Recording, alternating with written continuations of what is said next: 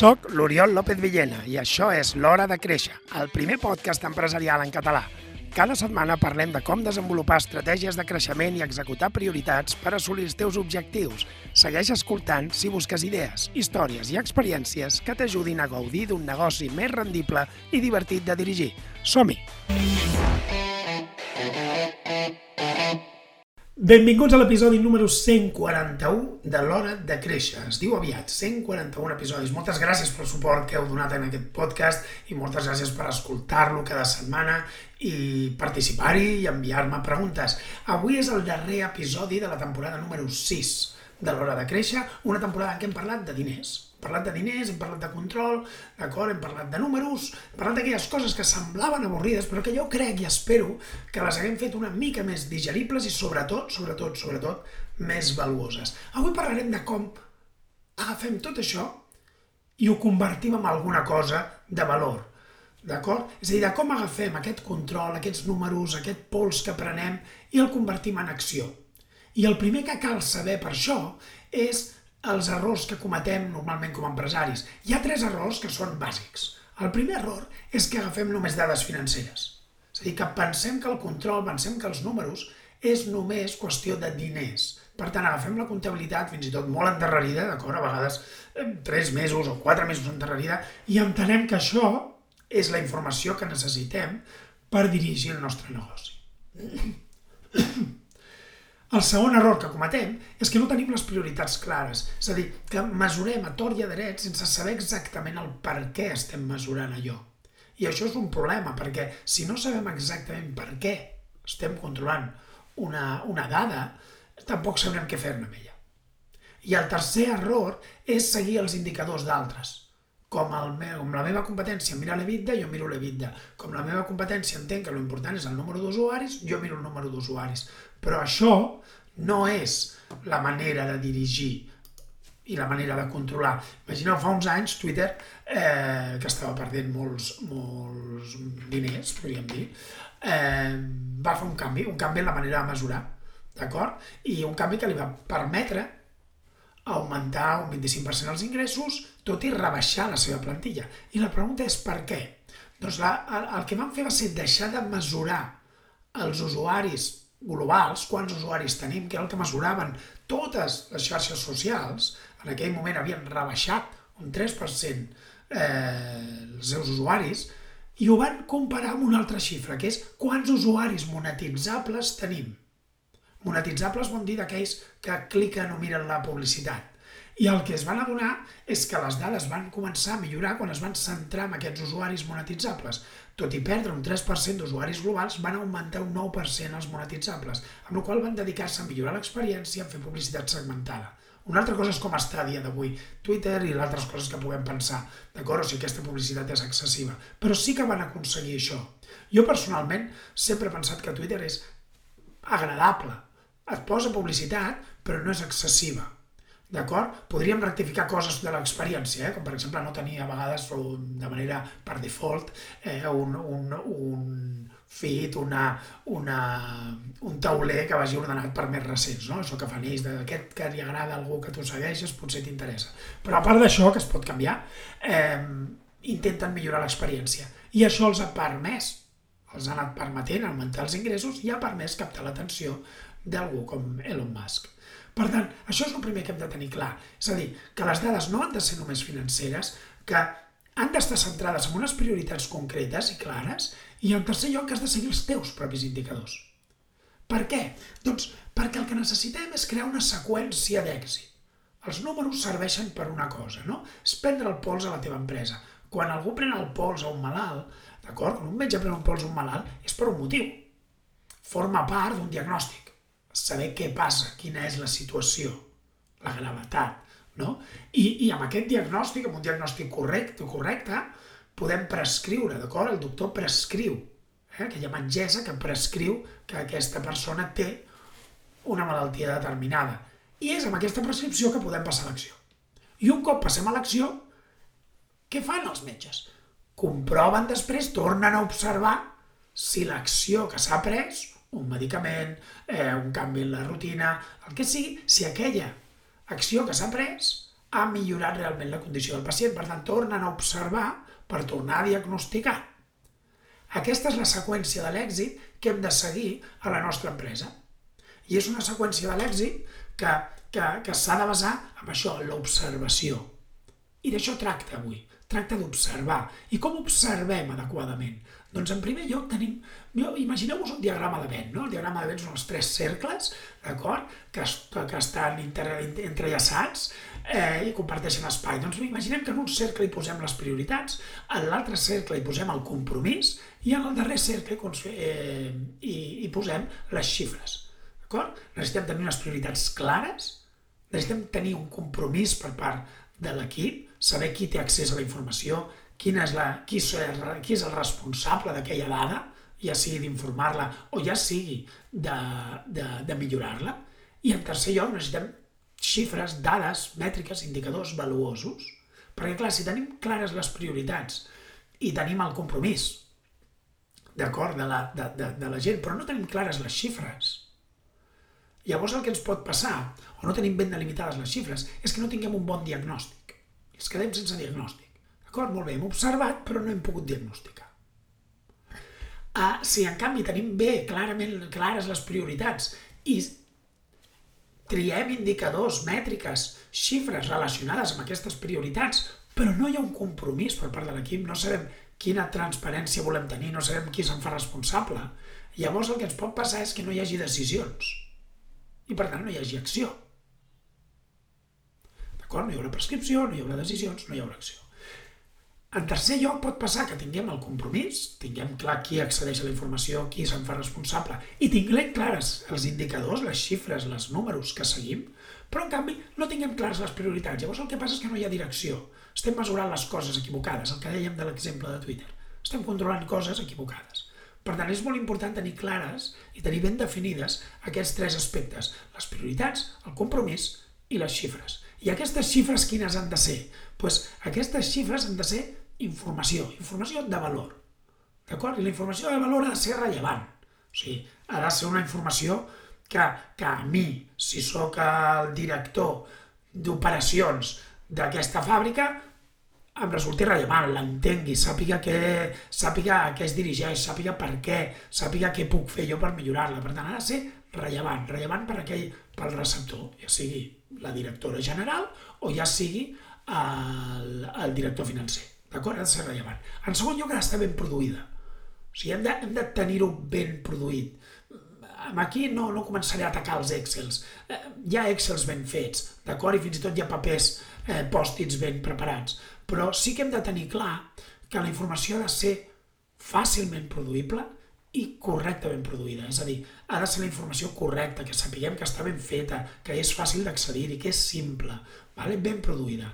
I si per això cal invertir en algú que t'ajudi a crear un petit quadre, doncs, doncs això es fa.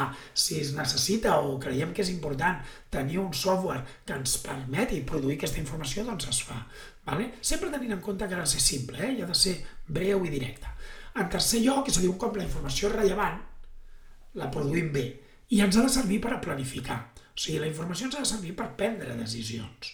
Per tant, hem de tenir molt clar que aquesta informació no ha de ser informació perquè sí, abans ho dèiem, si, si a tu a la teva empresa l'has controlat sempre a través del marge brut i del benefici net i a l'EBITDA, a tu, que és el benefici abans d'impostos, amortitzacions, interessos i a més, d'acord? I a tu l'EBITDA no et dona una informació que sigui rellevant, doncs no cal que la segueixis encara d'altres ho facin. Per què? Perquè les teves decisions les prens amb una altra informació. D'acord?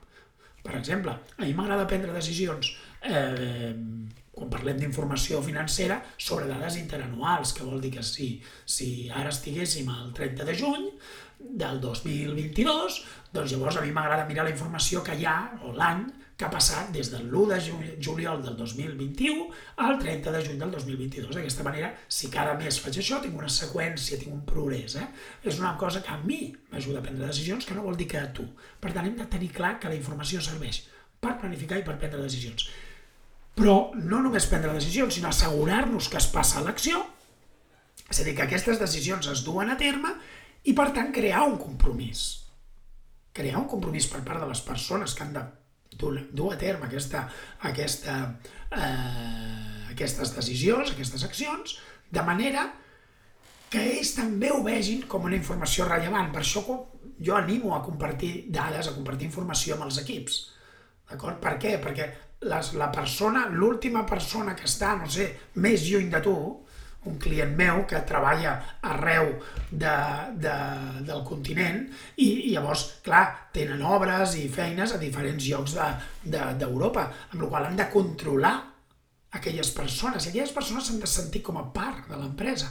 La manera és que tinguin informació que ells els hi és rellevant, que sàpiguen que quan estan posant una, una peça en un determinat lloc és per algun motiu, perquè s'està posant focus en la qualitat o perquè s'està posant focus en la velocitat, pel motiu que sigui, però hi ha un motiu. Per tant, ha de ser rellevant no només pel receptor, sinó també per l'emissor d'aquesta informació. I amb tot això, què significa ben produïda? No? Si, si aprofundíssim amb, aquest, amb aquesta informació del valor que estigui ben produïda, que sigui rellevant, que serveixi per planificar, el que hauríem de pensar és cap on mirem. És molt habitual mirar el passat, d'acord? mirar què ha passat en, el nostre, en la nostra empresa. Això, això són els comptes financers. D'acord? Què ha passat? Podríem dir que és el balanç de situació, el compte de resultats. En el millor dels casos, veig empreses que miren el balanç de situació. Normalment moltes es queden amb el compte de resultats o fins i tot només es queden amb la xifra de facturació. És un error. El compte de resultats és un compte complet. D'acord? S'ha de mirar sencer. I, I els comptes, els estats financers, inclouen el balanç de situació i fins i tot l'estat de canvis en el patrimoni net. D'acord? Per algun motiu. Perquè si no la informació és incompleta. La comptabilitat té doble eh, doble partida i per tant necessitem veure on va tot allò que veiem en el compte de resultats. Us heu preguntat alguna vegada? Molt bé, tinc aquests beneficis. Eh, on són? Perquè no els veig al banc. Aquesta pregunta és molt habitual i és una pregunta que és, és legítima, però demostra que ningú es mira el balanç de situació o fins i tot que ningú fa un, un estat de fluxes, d'acord? Un cash flow. Llavors, això és important, perquè quan mirem el passat hem de tenir clar que, que hem de mirar l'evolució, l'evolució del què ha passat, d'acord? Jo recomano que sigui diari, ai, que sigui mensual aquesta, aquest, aquest estudi, d'acord? Aquest anàlisi. I, I podem mirar detalls de vendes, d'acord? vendes per línia de producte, eh, vendes per client, marge brut per línia per client, per la contribució de cada producte, en el, en el mix, no? en, el, en, el, a la teu, en el teu còmput global de, de vendes o de, o de beneficis o de marge, de manera que puguis identificar guanyadors, de manera que puguis preveure eh, oportunitats. Vull dir, eh, no ens quedem només mirant eh, la facturació, sinó que mirem una mica el detall. El detall de les vendes crec que és important. I quan dic detall de les vendes també em refereixo al detall del benefici. Recordeu que les vendes premien el teu ego, el benefici premia el teu compte corrent. En segon lloc, eh, quan mirem el passat també hem de mirar tendències. D'acord? Com evolucionen certs clients, com evolucionen els, els costos eh, i quines tendències tenen els beneficis i les vendes. Per això jo he recomanat abans eh, una mirada interanual. Una mirada interanual ens permet veure la tendència si jo comparo a 30 de juny del 2022 amb el 30 de juny del 2021, tinc una xifra que pot ser útil, però no és completa. D'acord? Em mostra què passava l'any passat durant els primers sis mesos i em mostra què passa aquest any durant aquests sis mesos. Però és que han passat sis mesos entremig, que són juliol de l'any passat fins ara. Per tant, hem de saber què estem mirant perquè sigui rellevant. D'aquesta manera podem veure si realment ens estem acostant als objectius eh, anuals o no. D'acord? I en tercer lloc s'han de mirar ratis. No, no cal mirar 40.000 ratis, n'existeixen molts, d'acord? Cadascú té el seu rati, podríem dir, preferit. Eh, però s'han de mirar ratis. És a dir, s'ha d'agafar el balanç de situació i el compte de resultats, fer-lo mirar, fer-lo estudiar per un expert i que ens expliqui i ens ajudi a interpretar eh, les dades financeres perquè un empresari ha de conèixer i ha de saber interpretar les seves pròpies dades. No ha de dependre que vingui un assessor o un consultor o un director financer. D'acord? Ha d'entendre certes dades. Recomano que tota aquesta informació, com més gràfica, millor. D'acord? Ha de ser fàcil, a ser directa. En segon lloc, mirem el futur. El futur també recomano que sigui mensual, d'acord? Marquem trimestral, si molt m'apures. I és, i és un, un futur on marquem uns objectius, d'acord? I un estat de les vendes, on volem anar. Volem quedar-nos igual, volem millorar, volem empitjorar, és a dir, creiem que la inflació pot tenir algun efecte i per tant hauríem de pujar molt més o hauríem de baixar, el que sigui. Hem de mirar el proper trimestre què, què volem que passi, un informe a 13 setmanes, creiem que passarà això a nivell de vendes, creiem que passarà això a nivell de producció, creiem que passarà això a nivell de tresoreria. Per tant, hem de posar el nostre equip en pensar en això. I si ets una molt petita empresa, doncs simplement tingues un, un, un full de paper, si vols, o un Excel que et permeti a tu mateix Ara diré la paraula jugar, però em refereixo jugar en el bon sentit i en un sentit seriós del terme. D'acord? És a dir, agafar les teves dades i intentar veure què necessites durant aquest trimestre. Quantes visites hauries de fer a potencials clients? On hauries de ser, eh, on hauries d'estar situat d'aquí tres mesos perquè les coses funcionin? Perquè així et pots marcar, d'acord? A, a, a 12 mesos vista, un any vista, quines són les projeccions, quins són els motors de, del creixement que vols aplicar, vols aconseguir més clients, vols aconseguir que aquests clients comprin més sovint. Per tant, has de mirar els costos i has de mirar els riscos. Pots sotmetre la teva empresa, per exemple, a un stress test. Què passaria si no cobrés d'un determinat client o durant els propers sis mesos de ningú? És a dir, intenta posar la teva empresa en, en una situació complicada, en aquesta projecció, de manera que puguis preveure eh, problemes a, a, a llarg termini. D'acord? I sí, m'he deixat una, una... m'he deixat un camí al mig, però crec que és bàsic i és la part que segur o, o molt sovint no es fa, o es fa de manera desestructurada, d'acord? Jo crec que al final sí que es fa una mica, però es fa de manera desestructurada, sense entendre allò que dèiem abans d'unes prioritats clares i un compromís, d'acord? I, I unes xifres que no siguin eh, només financeres. I és el control present. Un control que ha de ser com a mínim setmanal. Jo diria al moment i diari, però com a mínim setmanal i el control present és important perquè és el que mesura l'acció. D'acord? El passat mira l'evolució, el futur mira la predicció, però el present mira l'acció. I és el que ens permetrà passar de l'evolució a la predicció. És el que ens permetrà passar d'una xifra que teníem fins ara a una xifra que volem. I, i què hem de mesurar? Doncs mira, jo dividiria aquest document o aquest informe, aquest Excel o, o, o com li vulguis dir, en tres parts. D'acord? Una dedicada a les vendes, una dedicada a la producció i l'altra dedicada a la caixa. Ja no dic finances, beneficis, això, caixa. Vale? Vendes, doncs, quants euros venuts, quantes oportunitats estan obertes, quantes oportunitats, eh, quantes referències hem rebut avui, depèn del, del model de negoci, del tipus de negoci, doncs mesurarem unes coses o unes altres, d'acord? Quantes setmanes de feina tenim per davant, on són finalistes. Jo tinc un client que es presenta a concursos aquests privats, d'acord? És a dir, a, a licitacions que fan empreses privades grans i, i una cosa que mesurem, que controlem, és el percentatge o quantes, en quantes licitacions hem arribat com a finalistes, estem com a finalistes en aquell moment, però nosaltres sabem que si com a, estem com a finalistes en dues o tres cada, cada setmana seguim vius, d'acord? Vol dir que les coses aniran bé a futur. Per tant, el que fem és mesurar això, també podem dir, doncs això, oportunitats. En segon lloc, podem, podem també pensar una llista de clients actuals i dir quanta gent tenim a dia d'avui a qui podem anar trucant. Eh? El, en segon lloc, jo mesuraria la producció, pura i dura. Producció, quin volum de producció, quantes unitats estan sortint, eh, han sortit... Eh, eh, correctes, per exemple, d'acord? És a dir, per mesurar la qualitat. Si nosaltres tenim una prioritat que és millorar la qualitat del nostre producte, perquè resulta que hem tingut problemes de qualitat, llavors potser el que mesurarem és el, el número d'unitats que han sortit amb tara, o el número de queixes o no conformitats que hi ha hagut d'un client, eh, dels clients, no?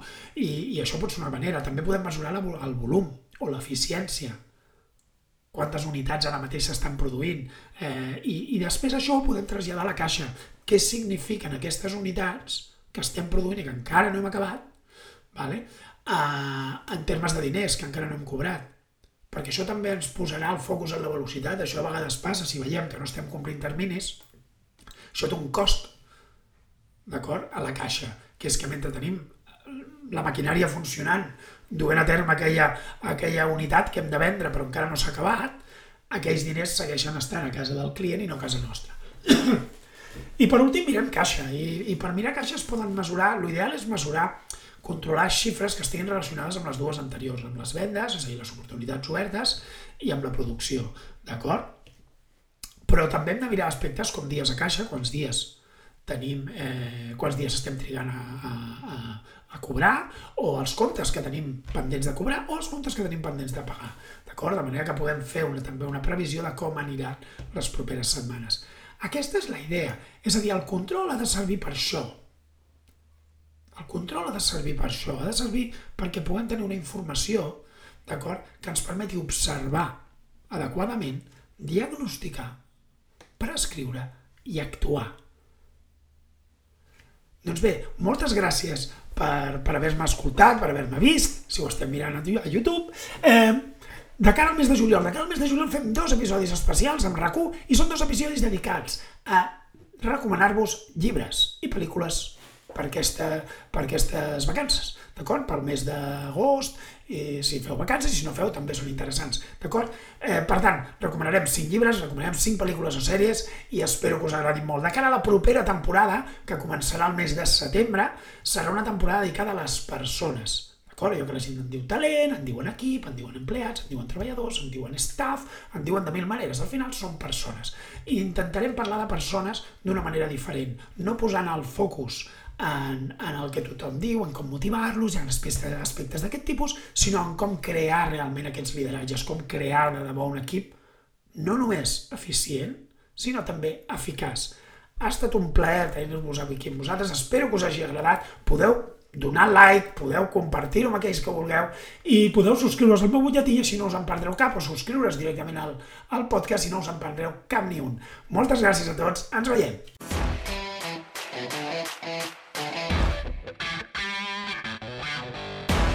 Gràcies per acompanyar-me en aquest episodi de l'Hora de Créixer. Si t'ha agradat, ja saps què has de fer. Escriu una ressenya, comparteix-ho amb algú i uneix a la comunitat de les empreses proactives. Gràcies per escoltar-me i recorda, l'acció és qüestió de prioritats.